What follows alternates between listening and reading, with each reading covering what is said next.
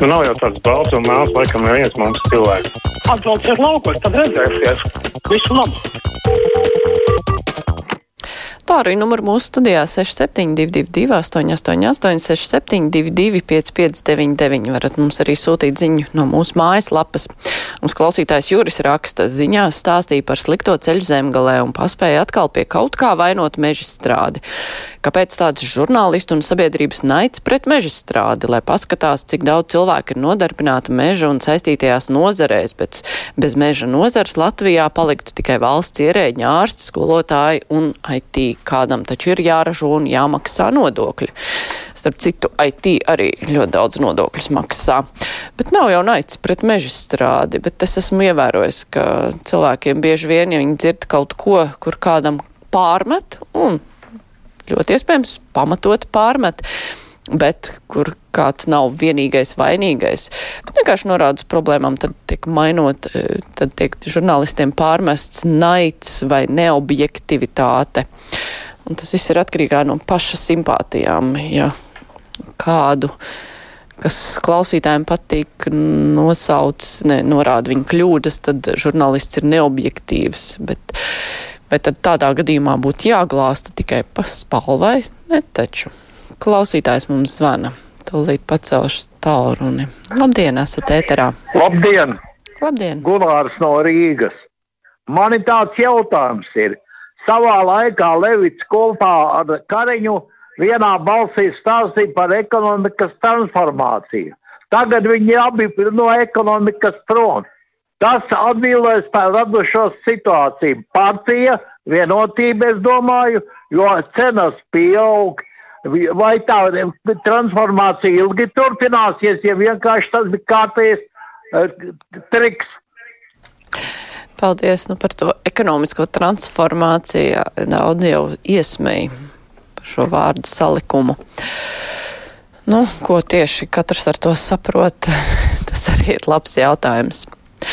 Klausītājs Imants raksta, kad vienreiz būs kādi sodi šiem valdes locekļiem, kur saņem lielas algas, bet nolaidības dēļ valsts zaudē miljonus, kā piemēram tagad stāstā par to slimnīcu, kur zaudēs ap 60 miljoniem Eiropas naudas. Tā, pacelsim klausulī. Labdien, esat ēterā. Uh, labdien! Labdien! Es zvanu sakarā to, ka man jau ir 79 gadi. Problēmas ar gulēšanu, problēmas ar, ar, ar, ar dienas režīmu. Un tagad man ziņo, ka atkal tie Eiropas stūrgalvīši nevar pieņemt to līgumu, ka nejūt kā to pulksteni. Ja es tagad visu mūžu esmu bez 15, 5 pamodies, bez 15, 5 cēlies augšā, es tagad celšos bez 15, 4. Tas ne, ne tikai mana veselība čakarē, tas čakarē tūkstošiem veselību. Man lopiņi visi ir neapmierināti. Vai tiešām tie stūrgalvīši, tie bez, bezsmadzeņi, kas tur ir Eiropas Savienībā, nevar nolemt beidzot to, vai jūrkāt to pulceni vai nejūrkāt. Kā jūs tam? Jā, paldies par jūsu viedokli. Nu, vecais labais strīds, bet jā, nu, es interesanti būtu zināt, cik cilvēks, cik cilvēki Latvijā ceļas katru dienu vienā un tajā pašā laikā gadiem ilgi. Es nezinu, vai daudz tādu ir. Klausītājs zvana, labdien! Halo, labdien! Labdien! Uh, labdien. Man, man ir 79 gadi un vēlos izteikt savu viedokli par uh, Rīgas domas locekļa Ratnieka uh, ierosinājumu nolikt vecītas uzvaras par kā 11. novembrī. Nu, tas ir uh, kaut kas nesaprotams. Kā var aizmirst, uh, kas šī bija par vietu, uh, tā saucamo kulta vietu.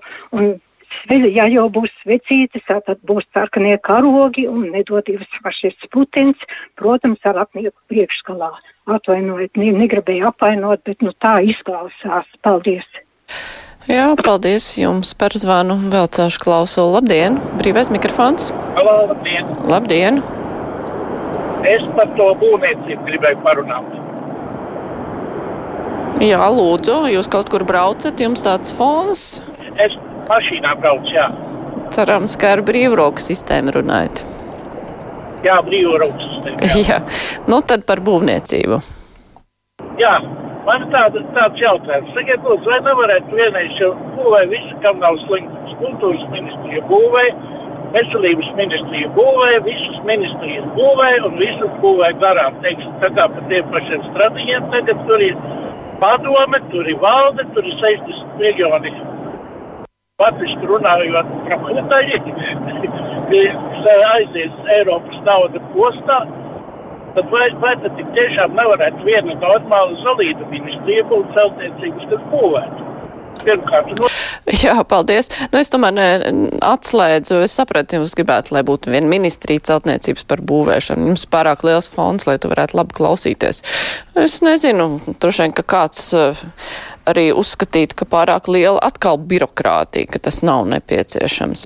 Anna raksta, cik labi, ka griezīs pulksteni atpakaļ, varēs ilgāk pagulēt, pavasarī gan vairs nevajadzētu grozīt. Jā, es domāju, ka rudenī ļoti daudz cilvēku, kur priecājas, ka varēs ilgāk pagulēt, lai ziemā nav jāceļas, nezinu, 4-5 stundas pirms saulēkta. Ināra grib zināt, kas notiek ar LMT internetu pieslēgumu. Galīgi nav pārklājuma Rīgā un sazvanīt nav iespējams.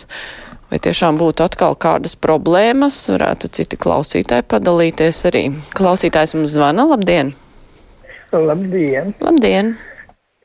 Man ir 80 gadi, esmu pirmās grupas redzes invalīds un gribētu ļoti pateikties Stradiņa poliklīnikas operatoram par ļoti labo darbu. Jo es esmu neredzīgs un man ļoti ilgi, kamēr es piesaku to, to doktoru, bet viņas ir tik pacietīgas un gaida mani, kad es visu to pateikšu. Paldies! Liels, ļoti liels viņam paldies! Paldies jums par zvanu!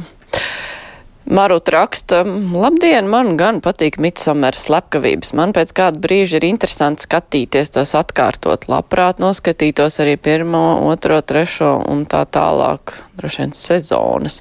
Vakar bija par Midsommers slepkavībām sūdzība, ka nevajadzētu rādīt. Es jau zinu, ir daudz cilvēku, kuriem patīk skatīties. Tā klausītājs zvana, labdien!